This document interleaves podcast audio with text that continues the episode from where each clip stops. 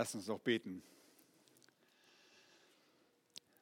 Herr, wir haben deine Liebe schon besungen und jetzt wollen wir genaueres darüber erfahren. Du bist der Gott der Liebe, der sich in seinem Wort geoffenbart hat und das sehr, sehr deutlich. Danke für die Weite deiner Liebe, das breite Spektrum, die unbekannte begrenzte Reichweite dieser Liebe an alle Menschen. Herr, macht es uns heute neu deutlich, dass wir ein Evangelium der Liebe haben, weil wir einen liebenden Gott kennen. Wir preisen dich. Öffne unsere Ohren und unsere Herzen, um dein Wort zu empfangen. In Jesu Namen. Amen. Ihr Lieben, Weihnachten ist selbst in dieser Welt das Fest der Liebe. Wie viel mehr ist es das für uns Christen? Wir sind uns der Geburt unseres Herrn Jesus Christus und deren Bedeutung sehr bewusst.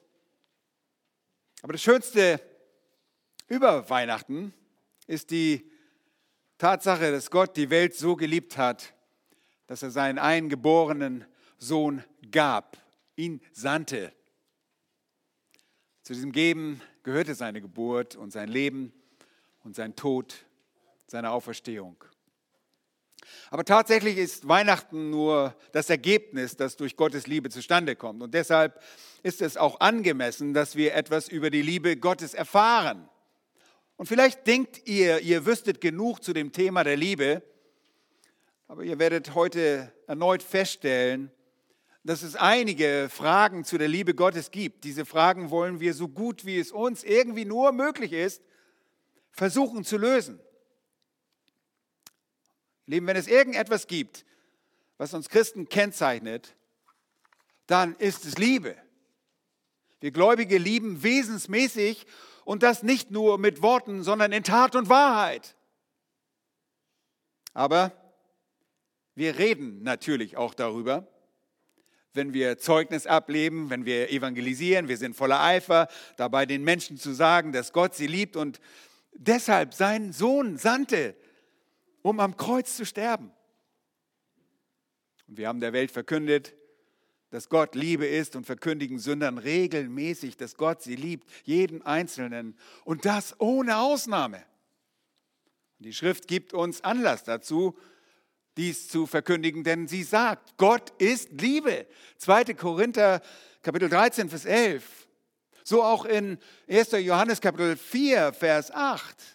Gott ist Liebe. es besteht kein Zweifel daran, dass Liebe eine Eigenschaft Gottes ist, ja sogar sein Wesen ausmacht.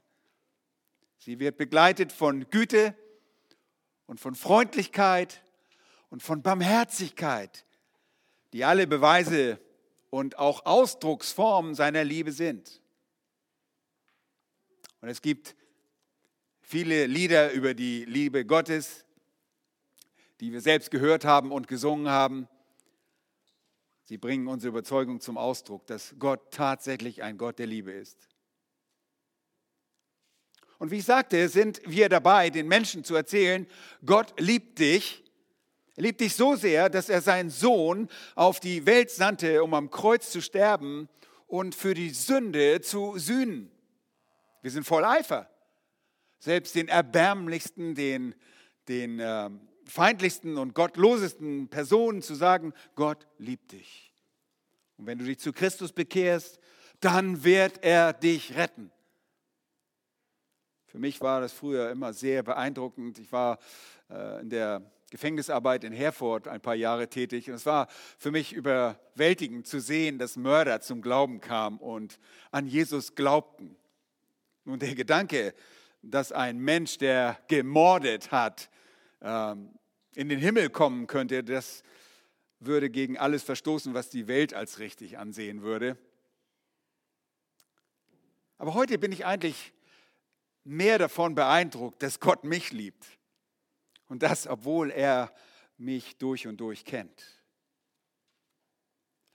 Aber egal welcher Mensch zum Glauben kommt, alle beweisen die erstaunliche, äh, be, äh, beweisen die erstaunliche Liebe Gottes. Und wir wollen selbst den größten Sündern dieser Welt sagen, dass Gott die Welt so sehr geliebt hat, dass er seinen eingeborenen Sohn gesandt hat, um für die Sünden der Welt zu sterben, damit jeder, absolut jeder, der an ihn glaubt, nicht verloren geht, sondern ewiges Leben hat. Das sagt Johannes 3, Vers 16. Lieben, das ist in dieser Bibelstelle so wunderbar. Und dieses jeder, das dort vorkommt, weist auf die universelle Weite der Liebe Gottes hin, seine uneingeschränkte Liebe zu allen Menschen. Wir verkündigen die Liebe Gottes deshalb überall und ohne Vorbehalt. Ganz einfach, oder? Ja, so ganz einfach ist es nicht. Ähm, denn egal, was wir über die Liebe Gottes sagen, egal wie hoch wir Gottes Liebe preisen und seine Güte und seine Barmherzigkeit, so haben die Menschen noch immer ernste und unbeantwortete und unberuhigende oder beunruhigende Fragen, die sie immer noch in ihrem Herzen bewegen. Und sie fragen zum Beispiel, ja, wenn Gott Liebe ist, warum ist die Welt so voller Tragödien und Leid? Wenn Gott Liebe ist und Gott sogar souverän ist und über alles Kontrolle hat, warum um alles in der Welt würde ein liebender Gott eine Pandemie herbeiführen? Habt ihr solche oder ähnliche Fragen schon gehört? Garantiert, garantiert. Vielleicht stellt ihr diese Fragen sogar selbst. Es gibt eine Frage, die dabei noch tiefer reicht. Das ist die Frage, wenn Gott lieb oder Liebe ist, warum würde er die Menschen in die Hölle schicken, damit sie dort für immer leiden? Das entspricht keiner Definition der Liebe, wie wir sie als Menschen definieren. Was für eine Art von Liebe ist das, die die Welt kontrollieren kann und der Welt gestattet, so zu leiden, wie sie es tut? Was für eine Art von Liebe ist das, die souverän und in Kontrolle ist und arme, leidende Menschen in ein ewiges Feuer schickt? Wie soll ich diese Art von Liebe verstehen? Willst du überhaupt behaupten, Gott habe die Welt so sehr geliebt? Und dann würde ich dir sagen, wenn Gott die Welt wirklich liebte, würde er nie all dieses Leid zulassen und all die Qualen und Schmerzen und den Kummer und die Trauer und den Tod. Und ich sage dir, wenn ein Gott der Liebe das Universum lenken würde, würde er diese Liebe ausdrücken und er würde das tun, was Liebe meiner Meinung nach tun würde. Er würde alle Schmerzen beseitigen, alles Böse, allen Kummer und er würde die Zeit und die Ewigkeit nur mit Glück füllen. Ist das nicht eine tolle Definition? Ja, vielleicht aus deinem Herzen, aber es ist nicht das Wort Gottes. Die Menschen fragen, warum tut Gott das nicht? Wenn er wirklich jeden liebt und darüber hinaus, willst du mir auch noch sagen, dass Gott will, dass jeder errettet wird? Du musst ein Scherzkeks sein. Warum würde Gott einen Plan entwickeln, bei dem die Menschen in der Hölle landen. Und wenn Gott ein Gott der Liebe ist und jeden liebt, warum rettet er denn nicht einfach jeden? Kann er das nicht? Ist er unfähig? Und wenn Gott der liebende Vater der Menschheit ist, warum handelt er nicht wie ein menschlicher Vater, der seine Kinder liebt und sie es nie zulässt, dass seine Kinder irgendwelche Entscheidungen treffen, die zu ihrer Zerstörung führen? Wenn Gott ein liebender Gott ist, warum hat er die Sünde und den Tod überhaupt zugelassen? Hätte er gleich weglassen können. Nun, diese und ähnliche Fragen, ihr Lieben, sind berechtigt. Aber sie erfordern Antworten. Und es gibt etliche, die es mit einer Reihe von möglichen Antworten versucht haben. Hier ist eine Antwort. Eine dieser Antworten ist die sogenannte Allversöhnung. Die Lehre der Allversöhnung besagt, dass am Ende letztlich doch alle gerettet werden. Sie besagt, dass der Heilsplan Gottes letztendlich alle erfasst und dass Gott jeden retten wird. Am Ende kommt jeder in den Himmel und die Hölle existiert nicht mehr, weil selbst Satan versöhnt wird. Nun, auf diese Art beantworten diese Menschen das Problem, wie Gott so viele Menschen in die Hölle schicken könnte, außer den wenigen, die glauben. Und die Antwort lautet ihrer Meinung nach, dass Gott es am Ende gar nicht tun wird. Er wird sie einfach am Ende alle mit sich versöhnen. Das ist die Lehre der Allversöhnung. Andere beantworten die Frage mit einer Theorie der kompletten Vernichtung des Menschen. Die sagen, ja, hier ist die Lösung. Es gibt keine Hölle. Das Einzige, was Gott mit den Menschen machen wird, die nicht glauben, er wird sie einfach auslöschen. Sie werden einfach nicht mehr existieren. Sie werden gar nicht mehr bewusst leben. Deshalb gibt es auch keine elende Hölle, in der sie bewusst leiden müssen, weil Gott sie einfach auslöschen wird. Es gibt diese Vernichtungslehre also. Ihr ganze Gruppen von Menschen, Gemeinden und Sekten vertreten heute noch genau diese Auffassung. Entweder die Allversöhnungslehre oder diese Vernichtungslehre. Manche Menschen lösen also das Problem, indem jeder einfach am Ende gerettet wird und andere damit, dass sie ausgelöscht werden. Nun, dabei gibt es ein klitzekleines Problem und ich bin jetzt ein bisschen sarkastisch. Es ist ein großes Problem. Es ist nicht biblisch. Die hört sich ganz gut an und das würde unsere Ansichten und Gefühle irgendwie beruhigen. Den ersten könnten wir uns jedem gegenüber gut fühlen und wir könnten uns entspannen, was die Evangelisation angeht. Wir müssten gar nicht mehr evangelisieren, wir müssten gar nicht mehr rausgehen. Letztlich kommen ja alle irgendwo in die Hölle oder vernichtet. Wenn der Typ nicht mehr existiert, ist ja auch okay. Hm. Wir bräuchten uns da nie um niemanden Sorge machen, denn es gibt ja keine Hölle. Und das Problem ist, dass die Bibel beides nicht lehrt. Nun, wieder andere haben gesagt, das ist doch ganz einfach. Gott liebt einfach keine Menschen, die ihm nicht gehören. Er hasst sie. Da muss man sich also keine Gedanken darüber machen, dass Gott Liebe enttäuscht wird, dass Gott die Menschen liebt und sie dann verdammt. Denn Tatsache ist, dass er jeden, den er verdammt, hasst. Also ganz einfach, oder? Er liebt sie gar nicht. Nun, diese Leute würden sagen, dass die Liebe Gottes selektiv ist. Sie gilt nur jenen, die an Gott glauben. Den Rest dieser Leute hasst Gott.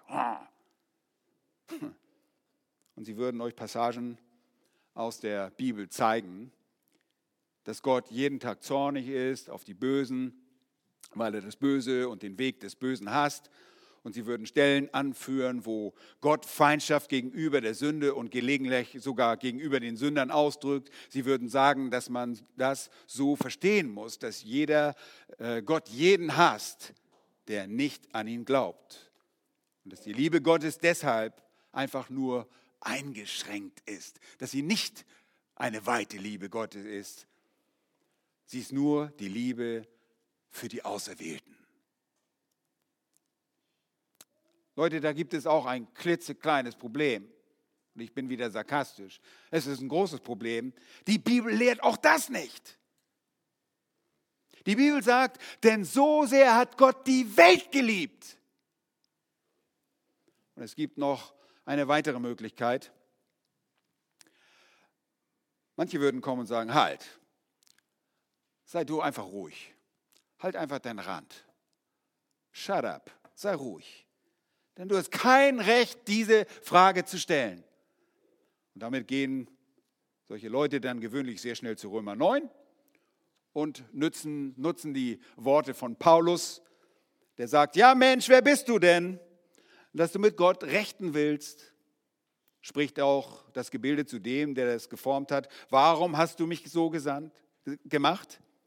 Hat nicht der Töpfer Macht über den Ton, aus derselben Masse das eine Gefäß zur Ehre, das andere zur Unehre zu machen? Und Paulus sagt hier, Wenn ihr rumlauft und diese Fragen stellt, was Gott tut, dann haltet den Mund.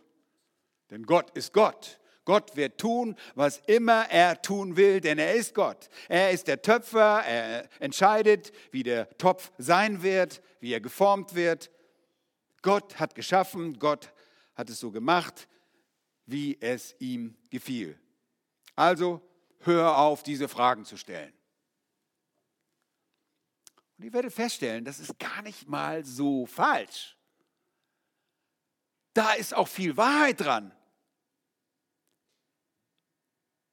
Wir werden tatsächlich die Antworten, irgendwo werden uns die Antworten ausgehen und wir werden letztlich auch bei Römer 9 tatsächlich ankommen müssen und uns mit dem abfinden, dass Gott in seiner Weisheit handeln wird. Es ist richtig, dass wir hier Fragen haben, die wir zwar verstehen, aber auf die wir nicht alle eine vollständige Antwort besitzen. Aber selbst wenn wir die Fragen nicht komplett lösen können, so wollen wir doch so weit, wie es nur irgend möglich ist, darauf eingehen. Bevor wir an den Punkt kommen und bei Römer 9 landen, gibt es Dinge, die wir zuvor begreifen müssen. Wenn jemand sagt, ich weiß nicht, wie Gott die Welt lieben kann und ein Gott der Liebe sein kann und die Dinge gleichzeitig so sein können, wie sie sind, dann müssen wir den Menschen nicht gleich sagen, halt den Mund. Stell diese Frage nicht. Du hast nicht das Recht, diese Frage zu stellen. Du bist nur der Ton und der Töpfer kann machen, was er will. Lasst uns das nicht tun. Wir sollten nicht so reagieren. Denn die Bibel gibt uns tatsächlich gut nachvollziehbare Wahrheiten über die Liebe Gottes. Und ja, es stimmt, wir werden letztlich an den Punkt kommen, wo wir Gottes Urteil als Töpfer vertrauen müssen. Aber lasst uns da nicht beginnen. Nicht gleich zu Beginn dorthin springen. Ich möchte euch zeigen, wie man die Liebe Gottes verstehen kann, wenn wir sie in drei verschiedenen Kategorien betrachten. Wir werden uns ein paar Wochen damit beschäftigen, nachdem, hört mir gut zu, ich mit dem Markus-Evangelium fertig bin. Es gibt weniger als eine Handvoll Predigten für das Markus-Evangelium. Ja, Jesus hängt bereits am Kreuz im Markus-Evangelium und äh, das Markus Kapitel 16 ist nicht so lang, wie ihr glaubt, äh, dass es ist. Und dann werden wir hier diese Serie der Liebe Gottes fortsetzen. Dies ist der Anfang heute zum Weihnachtsfest. Das ist eine wichtige Einleitung, die ich heute unbedingt rüberbringen wollte. Bevor wir nicht alle Aspekte der Liebe betrachtet haben, haben wir ein unvollständiges Bild von ihr. Wir wollen also dann keine voreiligen Schlüsse äh, ziehen, sondern wir begeben uns auf eine Reise der Liebe in den frühen Monaten des Jahres 2022, so der Herr will und wir nicht schon vorher entrückt sind und noch leben. Und wenn ihr die Reise mitmacht, dann werdet ihr auch das Ziel lieben, wenn ihr dort angekommen seid.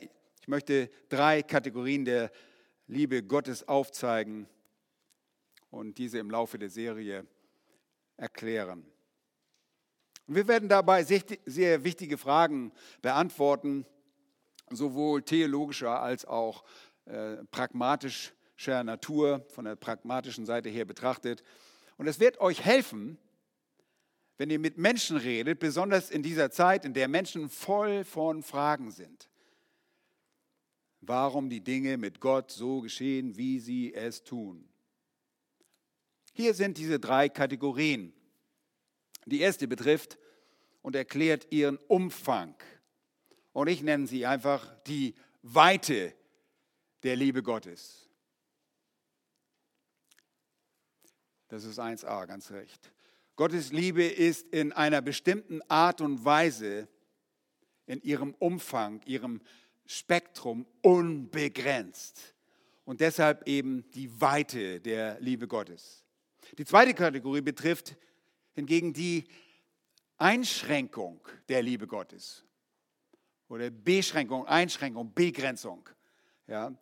die Einschränkung der Liebe Gottes. Und dabei befassen wir uns damit, wie Gott seine Liebe begrenzt, wie er sie eingeengt erweist, sie limitiert und auch manche äh, gewisse Abstriche macht. Und zum Schluss sehen wir eine dritte Kategorie uns an, und das ist die Kategorie der Ausrichtung der Liebe Gottes. Die Ausrichtung der Liebe Gottes. Sie ist auf ihn ausgerichtet, auf seine Ehre. Die Ausrichtung der Liebe Gottes, seine eigene Ehre. Nun, wir werden uns nacheinander damit beschäftigen und heute Nachmittag fangen wir mit dieser ersten Kategorie an, die Weite, die Weite der Liebe Gottes, Weite im Sinne von Grenzenlosigkeit. Verlauf unserer Betrachtung dieser Kategorie werden wir die Herrlichkeit Gottes zunehmend besser verstehen. Und ihr werdet sicherlich einiges Neues davon erkennen, was ihr zuvor nicht erkannt habt. Lasst uns also die erste Kategorie ansehen, die Weite der Liebe Gottes. Es ist die Liebe Gottes, die laut der Schrift eindeutig, allgemein, universal, wahllos, bedingungslos und unbegrenzt ist. Das kann man sagen. Gott liebt jeden. Es ist die Weite der Liebe Gottes, wie auch immer ihr das auch ausdrücken wollt, aber diese Liebe erstreckt sich auf alle Menschen zu jeder Zeit. Und das ist auch übrigens, was Paulus sagt im Titusbrief, Kapitel 3 dort, als er von der Menschenfreundlich oder der Freundlichkeit und Menschenliebe Gottes spricht. Es ist diese allgemeine Liebe für die gesamte Menschheit. Und die Schrift bekräftigt diese Liebe an vielen Stellen, so auch in Matthäus Kapitel 5, dort in Vers 43. Das ist übrigens ein Vers, der den Hintergrund für Johannes 3, Vers 16 stellt, unseren Wochenvers, so sehr hat Gott die Welt geliebt. Das ist der Hintergrund dafür, Matthäus 5, 43 heißt es, ihr habt gehört, dass gesagt ist, ähm, das bedeutet, die Rabbiner haben gelehrt, du sollst deinen Nächsten lieben und deinen Feind hassen. Ihr Lieben, das war die vorherrschende Theologie der Juden zu Jesu Zeiten. Liebe deinen Nächsten und hasse deinen Feind. Das bedeutete nach ihrer Auslegung, liebe deine Mitgenossen, die Juden, und hasse die Heiden. Sie, sie verachteten alle Heidenvölker und liebten ihre eigenen Leute. Und das wurde ihnen so gelehrt. Das wurde euch so gelehrt, sagt Jesus hier. Wenn sie also ihresgleichen liebten und die Heiden und die Während die, sie die äh, Samariter, dieses Mischvolk, hassten, fühlten sie sich im Recht. Warum? Weil das so ihre Theologen ihnen beigebracht hatten. Sie sagten, das wäre Gott wohlgefällig. Aber in Vers 44 sagt Jesus, ich aber sage euch, liebt eure Feinde. Mit anderen Worten, liebt nicht nur euresgleichen, liebt nicht nur diejenigen, die in eurer eigenen Familie sind, liebt eure Feinde und zeigt diese Liebe, indem ihr sogar für sie betet, die euch, für die betet, die euch verfolgen. Macht es, wie Jesus es tat. Erinnert euch am Kreuz, an der Kreuzigung, Vater, vergib ihnen, denn sie wissen nicht, was sie tun. Oder wie Stephanus, als er gesteinigt wurde, rechne ihnen diese Sünde nicht an. Beide wurden von mörderischen Menschen getötet. Und Jesus sagt, liebt eure Feinde und betet selbst für jene, die euch verfolgen. Und dann in Vers 45 nennt er den Grund dafür. Und da heißt es, damit ihr Söhne eures Vaters im Himmel seid. Was bedeutet das? Söhne eures Vaters im Himmel? Und damit könnt ihr bekunden, dass ihr tatsächlich zur Familie Gottes gehört. Jemand, der die Feinde liebt, der gehört zur Familie Gottes. Dass ihr Kinder Gottes seid, das erkennt man daran. Epheser 5, Vers 1 werden wir sogar aufgefordert, äh, werdet Nachahmer Gottes als geliebte Kinder und wandelt in der Liebe. Ahmt Gott nach und wandelt in der Liebe. Und worum geht es dabei? Es geht darum, dass ihr eure Feinde liebt, weil ihr Kinder Gottes seid und weil Gott seine Feinde auch geliebt hat. Das bedeutet es, nichts anderes.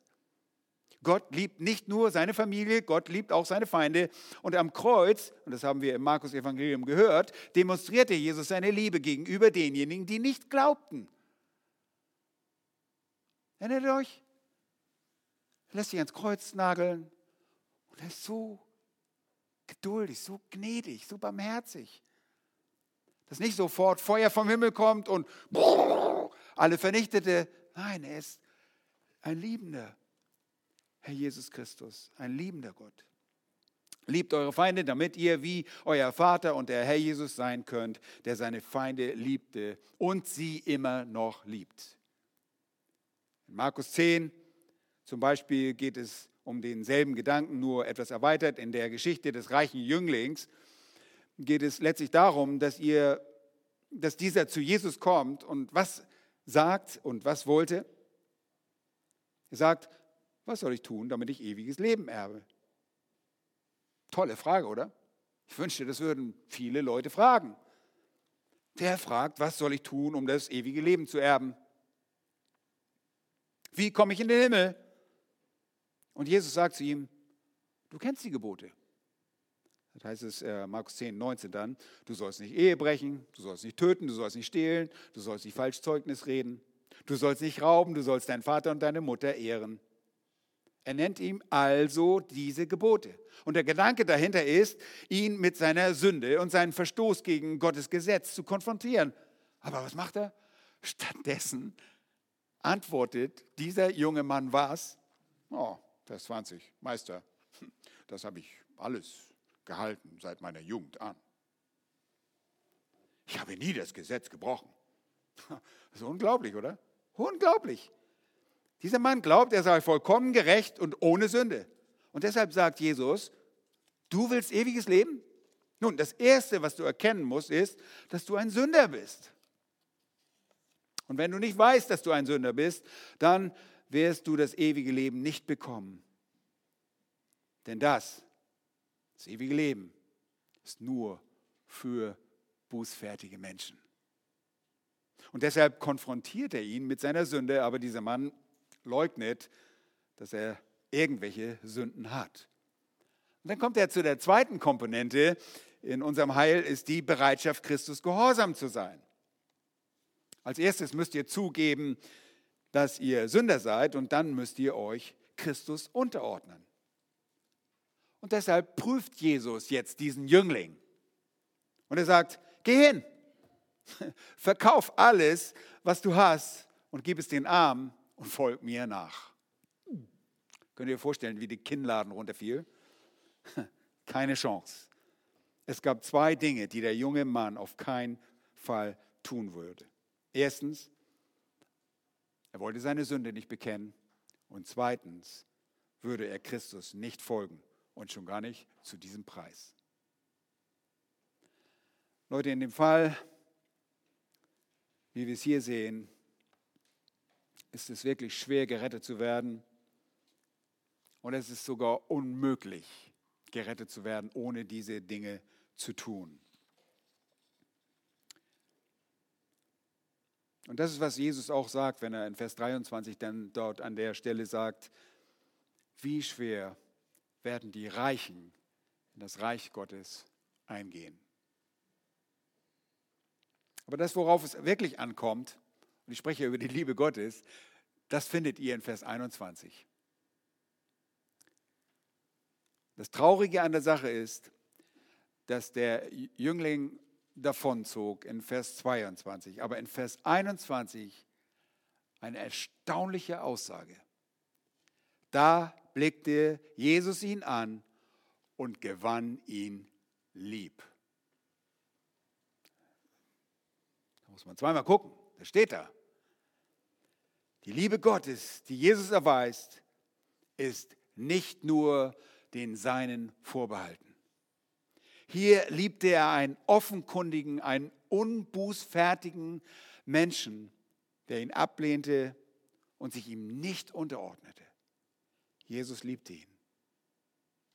Und das erging auch dem Volk Israel so. Sie verließen Jahwe Gott, obwohl sich dieser mit dem Volk einen Namen machte. Jahwe Gott liebte das Volk Israel tatsächlich. Und so wurde Jesus zu ihrem Erretter, doch sie lehnten ihn ab. Und das Volk entschied sich für die Sünde und wurde dafür gerichtet. Wenn wir also sagen, dass Gott die Welt so sehr geliebt hat, dass es seinen eingeborenen Sohn gab, dann müssen wir verstehen, dass es, dass es seinen Sohn gab, um Retter der Welt zu sein. Ebenso wie Gott sich als Retter des Volkes Israels, ähm, als Retter des Volkes Israels erwies, obwohl keineswegs ganz Israel an ihn glaubte. Er blieb dennoch offiziell ihr designierter Retter. In Johannes 3, Vers 16 steckt der Kern der ganzen Sache. Da heißt es, denn so sehr hat Gott die Welt geliebt, dass er seinen eingeborenen Sohn gab, damit jeder, der an ihn glaubt, nicht verloren geht, sondern ewiges Leben hat. Und da steht nicht, dass Gott die Auserwählten liebte. Steht da nicht, sondern dass er die Welt liebte. Und die Ausnahme ist, dass die Welt, die er liebt, vielleicht glaubt und vielleicht auch nicht. Der Kontext verlangt allerdings, dass hier Welt nicht enger gesteckt werden kann. Nicht nur auf die Welt seiner Auserwählten, sondern alle. Und wenn ihr zu Vers 19 kommt, dann seht ihr, was wir auch gesungen haben, dass das Licht in die Welt gekommen ist und die Menschen liebten die Finsternis mehr als das Licht. Die Welt muss also eine Welt sein, die Menschen beinhaltet, die die Finsternis lieben. Die Welt ist der weiteste, möglichste, mögliche Bezug. Gott liebt die ganze Welt. Und er gibt seinen Sohn für die ganze Welt. Und in dieser ganzen Welt gibt es einige, die glauben und andere, die nicht glauben. Es gibt einige, die das Licht lieben und zum Licht kommen und andere, die das Licht hassen und in der Finsternis bleiben. In einem weiteren Abschnitt des Johannesevangeliums drückt Jesus das so aus. Er war in der Welt, doch die Welt erkannte ihn nicht. Und das ist nicht die, die, er war in der Welt der Auserwählten und die Welt erkannte. Nein, das, ist, das, ist, das sind alle. Das ist die Welt im Allgemeinen. Schaut einmal Johannes 4, Vers 24, nee, 42, Entschuldigung, 42. Da spricht Jesus zu der, beziehungsweise er hat mit der Samariterin gesprochen. Aber da heißt es, und zu der Frau sprachen sie, das sind die Samariter, die jetzt zu der Frau sprechen, die aufgrund ihres Zeugnisses geglaubt hatten, die Samariter, und sie sprachen zu ihr, nun glauben wir nicht um deiner Rede willen. Wir haben selbst gehört und erkannt, dass dieser wahrhaftig, was ist, der Retter der Welt. Johannes 4, 42. Christus, er ist der Christus, wahrhaftig der Retter der Welt. Johannes weiß, was er meint, wenn er Welt sagt. Und die Samariter waren überrascht davon. Warum? Weil die Juden immer gesagt haben, liebe den Nächsten und hasse die ausgestoßenen Samariter und Heiden. Und hier kommt Jesus und sagt, Gott hat die Welt so sehr geliebt und wirft damit den Kern des Rassismus jener Zeit über den Haufen. Und er sagt, er liebt sie alle. Und wir Christen schwelgen in dieser Tatsache in 1. Johannes Brief, in Kapitel 4, Vers 14, heißt es, und wir haben gesehen und bezeugen, dass der Vater den Sohn gesandt hat als Retter der Welt. Und deshalb kann Gott sagen, er hat keine Freude am Tod der Bösen. Und deshalb kann Gott sagen, er will nicht, dass irgendjemand verloren geht, sondern dass jedermann Raum zur Buße hat. Deshalb kann Gott sagen, dass er will, dass alle Menschen gerettet werden seine Liebe ist unbegrenzt. Wir sehen ihre Weite. Und weil das so ist, gibt es auch unbegrenzte Realitäten in Bezug auf Christus. Wenn Gott die Welt liebt und seinen Sohn in die Welt sandte, so geschah das als Retter der Welt. Und das, ihr Lieben, lässt sich nicht begrenzen. Aber damit die Weite, damit wir die Weite besser verstehen und was damit gemeint ist, zeige ich euch vier Wege, vier Methoden, wie Gott die Weite seiner Liebe erweist. Okay? Vier Wege, bei denen wir die uneingeschränkten Umfang von Gottes Liebe sehen. Okay? Die Weite der Liebe zeigt sich an diesen vier verschiedenen Wegen. Das ist kein großes Geheimnis, das kann, kann euch jeder aus dem FF sagen, was, was es ist, aber hört mal genau zu. Erstens, allgemeine Gnade. Allgemeine Gnade. Allgemeine Gnade bedeutet, dass es allgemeine Gunsterweise von Gottes Güte gibt, die wir hier in unserer Welt sehen. Wenn ihr an Gottes Liebe zweifelt, dann solltet ihr euch noch einmal in der Welt umsehen, in der wir leben. Vielleicht sagt ihr, oh, es gibt so viele Sorgen in dieser Welt. Es gibt so viel Kummer. Und ja, das stimmt. Aber, ihr Lieben, der Grund dafür, dass ihr diese Sorgen und den Kummer seht und erkennen könnt, ist, weil es so viel Freude gibt. Der Grund dafür, dass ihr Hässlichkeit erkennt, ist, weil es so viel Schönheit gibt. Und der Grund dafür, dass ihr die Enttäuschung erkennt, ist, dass es auch so viel Erfüllung gibt. Seht euch nur die Kehrseiten an. Begreife, dass du ein gefallener und unwürdiger Sünder bist. Und wirklich der einzige Grund, warum Gott dir etwas zu lachen gibt, etwas zu belächeln, etwas, das du liebst oder über das du dich freuen kannst, ist der, dass er ein liebender Gott ist. Und obwohl wir unwürdige Sünder sind, demonstriert er uns seine Liebe. Ihr Lieben, sogar uns unwürdigen Sündern. Und das nennt Gott allgemeine Gnade und die Bibel. In äh, Matthäus 5, Vers 45, diese Verse werden auch oft angeführt, führt Jesus die Aussage, die er über Gott als liebenden Vater und als seine liebenden Kinder gemacht hat, weiter aus. Und er sagt dort, er führt als Beweis von Gottes Liebe etwas an, das ihr wirklich bei uns schon manches Mal gehört habt. Da heißt es, denn Gott lässt was machen? Er lässt die Sonne aufgehen über Böse und Gute und lässt es regnen über Gerechte und Ungerechte. Ihr Lieben, es regnet über jeden und Regen jetzt nicht im negativen Sinne, Halleluja, also, ja, ne, also, sondern im positiven, dass die Erde bewässert wird. Ja, das, ohne Regen wächst nichts. Und er lässt es regnen über, bei dem Bauern, der Gott am Morgen noch geflucht hat und Gott hasst. Und er lässt es regnen über den, der ihn liebt. Er macht keinen Unterschied. Und die Sonne scheint über jedem. Die Blumen blühen in jedermanns Garten und viele Menschen haben viel Spaß und viel Freude und viel Glück.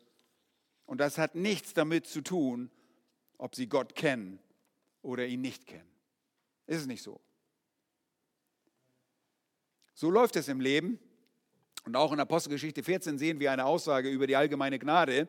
Dort heißt es in Vers 15, wo Paulus zu den Heiden in Ikonium sprach, da heißt es in Vers 17, sagt er, dass Gott, der den Himmel und die Erde und alles, all das schuf, sich nicht selbst unbezeugt gelassen hat, ohne einen Zeugen für seine Liebe und seine Güte zu geben.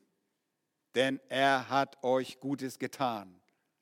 Da heißt es, er hat euch Regen vom Himmel gegeben und fruchtbare Zeiten und eure Herzen erfüllt mit Speise und Freude. Leute, Ihr könnt heute essen gehen und geht in die nobelsten äh, Restaurants und ihr seid nicht die Einzigen, die da gut speisen können. Ihr seht die Ungläubigen, die Gotteslästerer, sie alle dürfen wunderbares Essen genießen. Das ist allgemeine Gnade Gottes. Gott liebt den Menschen so sehr, dass sie das genießen dürfen. Sie erkennen es nur nicht an. Das ist allgemeine Gnade. Zweitens erweist sich Gottes Liebe durch sein Mitgefühl. Sein Mitgefühl. Es ist seine mitfühlende Liebe und es, um es anders auszudrücken, eine Liebe, die Mitleid hat mit den Menschen. Gott hat oft ein zerbrochenes Herz. Wisst ihr, man hört Menschen Folgendes sagen, und ich möchte das korrigieren, weil es nicht wahr ist. Man hört Menschen sagen, nun, du musst wohl ganz, etwas ganz Besonderes sein, weil Gott dich so liebt. Das hört man ständig. Aber das ist bestenfalls eine psychologische Stärkung des Egos. Das ist nicht biblisch. Gott liebt euch nicht, weil ihr so liebenswürdig seid oder ich. Deshalb liebt er uns nicht. Da findet er keinen. Gott schaut sich um und er findet keinen, der Gutes tut. Das ist nicht einer. Gott hat nicht gesagt, oh, den muss ich haben. Der ist so liebenswürdig. Nein, das seid ihr nicht, das bin ich nicht. Wir sind jämmerliche, wertlose Sünder, die auf dem Müllhaufen der Ewigkeit der Hölle landen, wenn wir nicht durch Gottes Gnade errettet werden. Und wir haben keinen in uns lebenden Wert, nicht keinen intrinsischen Wert in uns selbst. Fakt ist, es gibt nichts Liebenswertes in uns. Es ist keine Liebe, die auf eurem Wert beruht. Es ist die Liebe des Mitleids. Mitleid für das, was Wert hätte haben können, aber keinen hat. Es ist mitfühlende Liebe. Es ist eine Liebe der Traurigkeit, eine Liebe, die sagt, oh, wenn das Abbild Gottes doch nicht so unwiderruflich oder bringlich ruiniert worden wäre. Es ist einfach universelles Mitleid. Es ist eine Trauer, die sich auf alle Menschen erstreckt.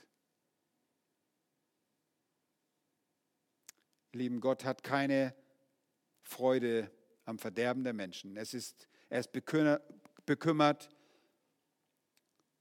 dass das Abbild Gottes so ruiniert und verschwendet ist, wenn es so ist, wie es ist. In Jeremia 13 vergisst Jeremia die Tränen Gottes. Denn Gott ist ein Geist und wir lesen in Vers 16 dort in Jeremia 13, gebt Jahwe euren Gott die Ehre. Und Vers 17 sagt er, wenn ihr aber nicht hören wollt, wird mein Auge unaufhörlich weinen und in Tränen zerfließen. Das sind letztlich nicht Jeremias Tränen, sondern Gottes Tränen. Gott weint über den Ruin seiner Geschöpfe. Das sieht man auch in Jeremia 48. Aber lasst uns einmal zu den Evangelien gehen, Matthäus 23. Und dort in Matthäus 23, Vers 37.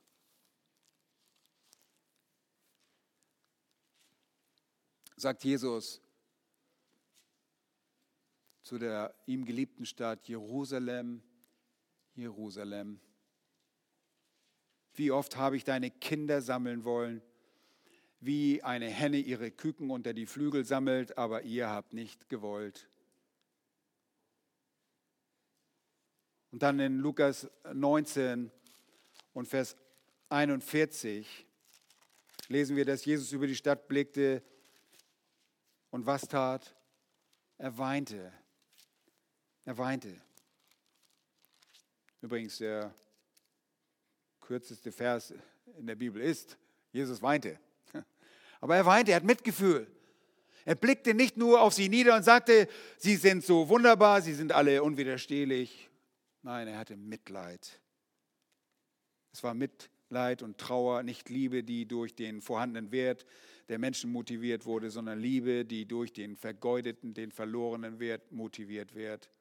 Es ist einfach mitleidende Liebe.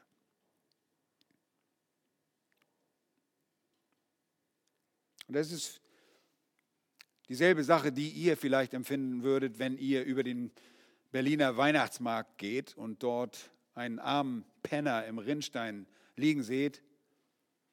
Ein Mensch, der nichts an sich hat, was euch Zuneigung entlockt, aber es gibt in euch ein herzzerreißendes Mitgefühl des Mitleids.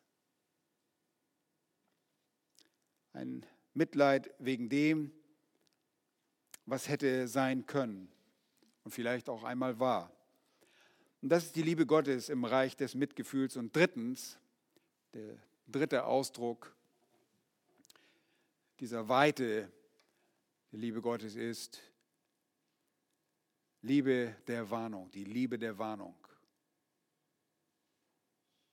Ihr Lieben, diese Liebe dürfen wir nicht vergessen, nicht unterschlagen.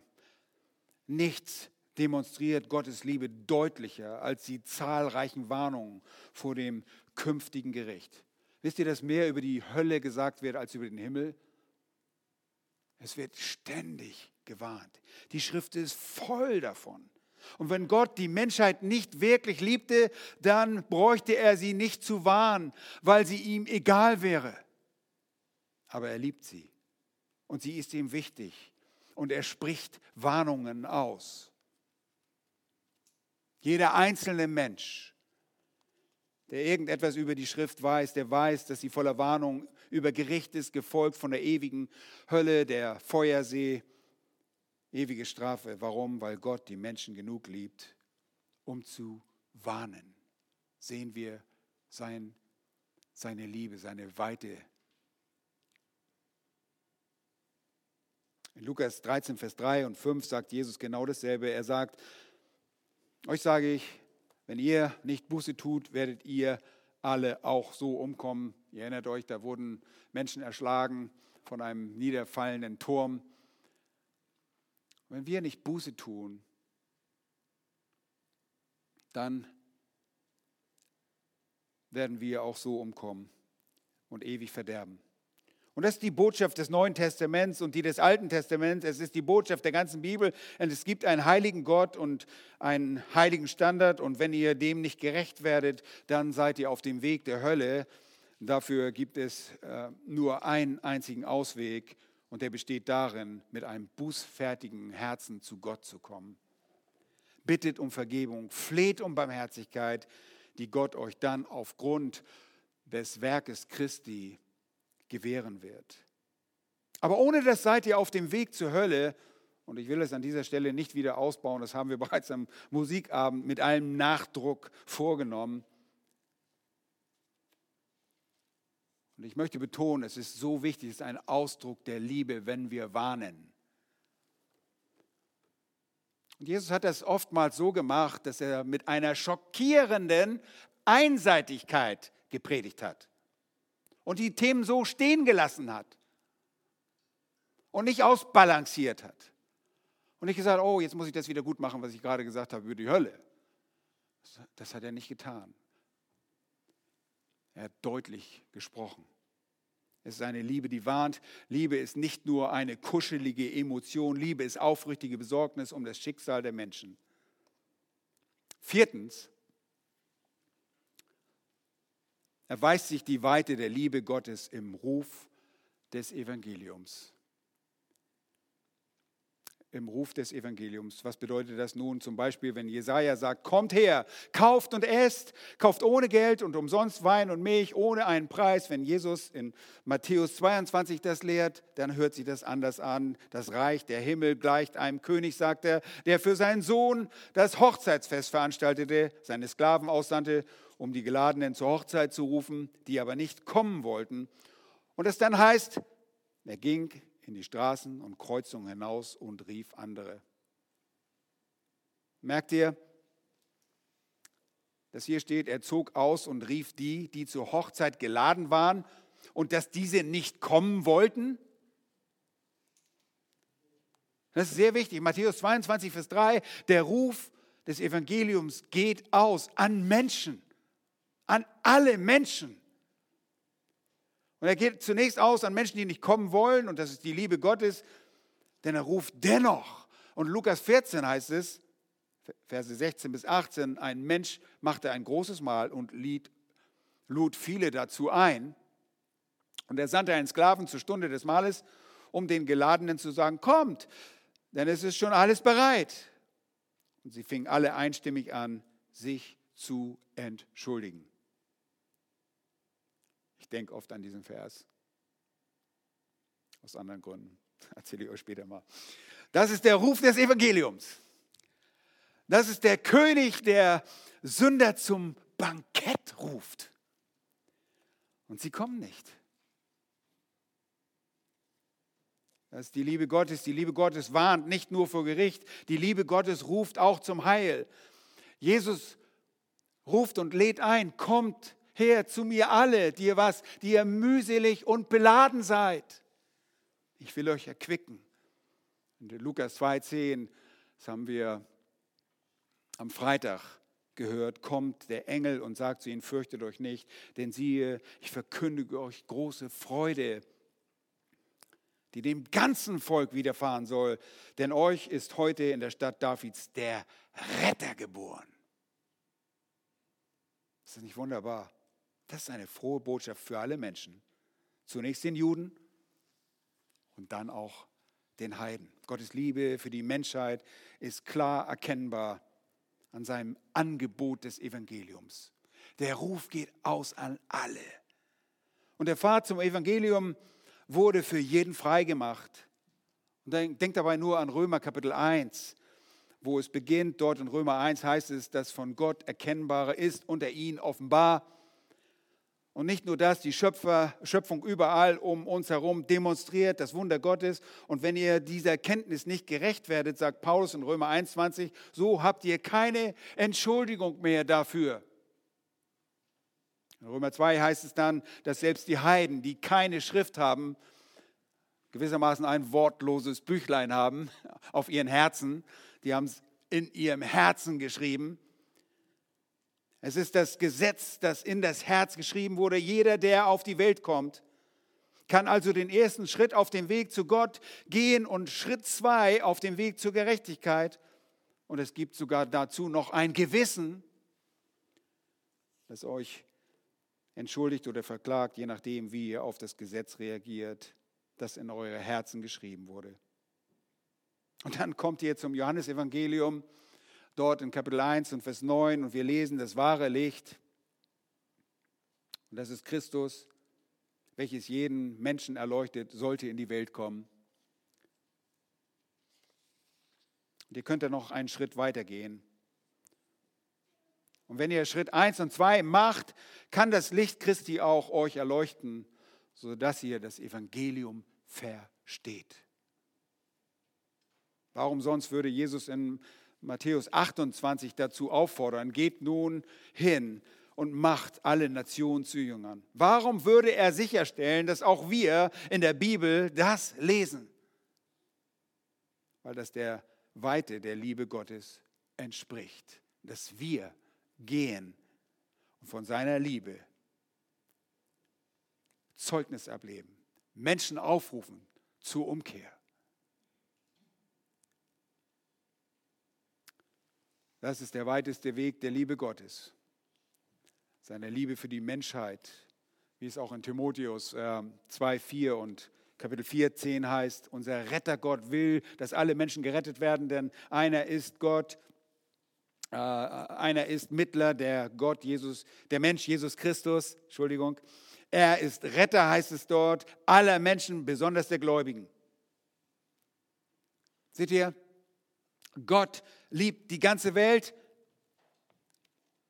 Und ihr seht es in der allgemeinen Gnade. Und ihr seht es in seinem Mitgefühl, ihr seht es in all seinen Warnungen und ihr seht es im Ruf des Evangeliums. Und das beschreibt Jesus als den Retter der ganzen Welt. Er ist der von Gott bestimmte Retter der ganzen Welt, so wird er genannt. Und das Söhnewerk Christi das Werk Christi am Kreuz erweist ihn als Retter der Welt und hat Auswirkungen für die ganze Welt. Und es sollte dazu dienen, Gottes universale Liebe für Sünder zu offenbaren, für die ganze schuldige menschliche Rasse. wegen des Werkes Jesu Christi am Kreuz als Retter der Welt sind alle Sünder dazu aufgerufen, Buße zu tun zu glauben, Vergebung zu erfahren. Wenn sie das ablehnen, sind sie schuldig und werden bestraft. Und sie haben die Liebe Gottes verschmäht. Die Liebe Gottes, ist für die ganze Welt. Und das beschreibt die erste Kategorie der Liebe Gottes, seine Weite. Und ich komme zum Ende. Und zwar in Johannes 6, 31 sehen wir, wie Jesus zu den Juden darüber spricht, wer er ist nachdem er sie gespeist hatte. Ihr erinnert euch daran. Und in Vers 31 sagen die Juden, unsere Väter aßen das Manna in der Wüste, wie geschrieben, Brot aus dem Himmel, gab er ihnen zu essen. Da sprach Jesus zu ihnen, wahrlich, wahrlich, ich sage euch, nicht Mose hat euch das Brot aus dem Himmel gegeben, sondern mein Vater gibt euch das wahrhaftige Brot aus dem Himmel. Zu wem spricht er? Er spricht zu den ungläubigen Juden. Und er sagt, mein Vater hat euch das Brot gegeben. Vers 33, denn das Brot Gottes ist der, welcher aus dem Himmel herabkommt und der Welt das Leben gibt. Wer ist das? Jesus. Ganz deutlich. Er sagt damit deutlich, er wurde gesandt. Es wurde euch angeboten. Und er ist für euch, für die Welt, in die Welt gekommen. Und dann heißt es dort in Vers 41, da murrten die Juden über ihn, weil er sagte, ich bin das Brot, das aus dem Himmel herabgekommen ist. Seht mal, er sagt, das Brot ist für euch aus dem Himmel gekommen und sie sagen, wir wollen es nicht. Vers 52, die Juden stritten nun untereinander und sagten, wie kann dieser uns sein Fleisch zu essen geben? Also sie haben jetzt gesagt Brot, und wenn er das isst, ist es ja Fleisch. also, okay. Dann Vers 61 sagt er, äh, war Jesus sich bewusst, dass sogar einige seiner Jünger murrten. Und dann kommt es zu diesem berühmten Vers 66 und lesen von der tragischen Konsequenz. Von da an gingen viele seiner Jünger zurück und gingen nicht mehr mit ihm. Was haben wir in diesem Abschnitt? Einen klaren Ruf des Evangeliums. Ein Angebot, das sich an die weiteste Gruppe von Menschen richtet. Es ist an die Juden gerichtet, die es ablehnen. Es ist an seine Anhänger gerichtet, von denen viele nur vorübergehende Anhänger waren, keine wahren Gläubigen. Sie drehen sich um und gehen davon. Aber Jesus sagt ihnen, ich bin das Brot, das vom Himmel für euch herabgekommen ist. Und ihr Lieben, wir müssen in der Lage sein, genau das zu jedem Sünder zu sagen. Er ist der Retter der Welt. Lass uns beten. Herr, wir danken dir von ganzem Herzen für deine Liebe, die uns als deine Kinder in einem speziellen Sinne schon ergriffen hat. Aber du bist der Retter dieser Welt. Du hast es, dieses kostbare Evangelium, diese gute Nachricht anvertraut, damit wir anderen Menschen davon berichten, wer du bist und wie du liebst. Herr, und Tag ein und Tag aus leben die Gottlosen von dem, was du ihnen schenkst. Sie atmen deine Luft. Sie leben in deiner Schöpfung. Aber sie erkennen dich nicht an. Und du bist sogar in dein Eigentum gekommen. Du bist in deine Welt gekommen. Und die Welt hat dich nicht erkannt, weil sie ihre Sünde mehr lieben mehr als dich. Herr, wir beten, dass du dich in diesen Tagen, an diesem Weihnachtsfest, der Menschen erbarmst, in deinem Mitleid gegenüber den Menschen, die dich noch nicht kennen, dass du herunterreichst zu denen, die bisher verstockt waren in ihren Herzen. Herr, und wir alle haben Angehörige in unseren Familien, und wir wünschen uns so sehr, dass sie das klare Licht des Evangeliums erkennen. Herr, du bist auch ein rettender Gott, der seine Liebe so aufblühen lässt, dass sie Errettung schenkt. Herr, rette du, erbarme dich über uns gottlose Menschen und baue weiterhin deine Gemeinde zu deiner Verherrlichung. Danke für deine allgemeine Gnade. Danke für deine mitfühlende Liebe. Danke für deine warnende Liebe. Hilf uns, dass wir uns nicht dafür fürchten, Menschen auch zu warnen, allem, mit allem Nachdruck. Hilf uns, den Ruf des Evangeliums als Ausdruck deiner Liebe anderen Menschen weiterzugeben. Um deines Namens willen. Amen.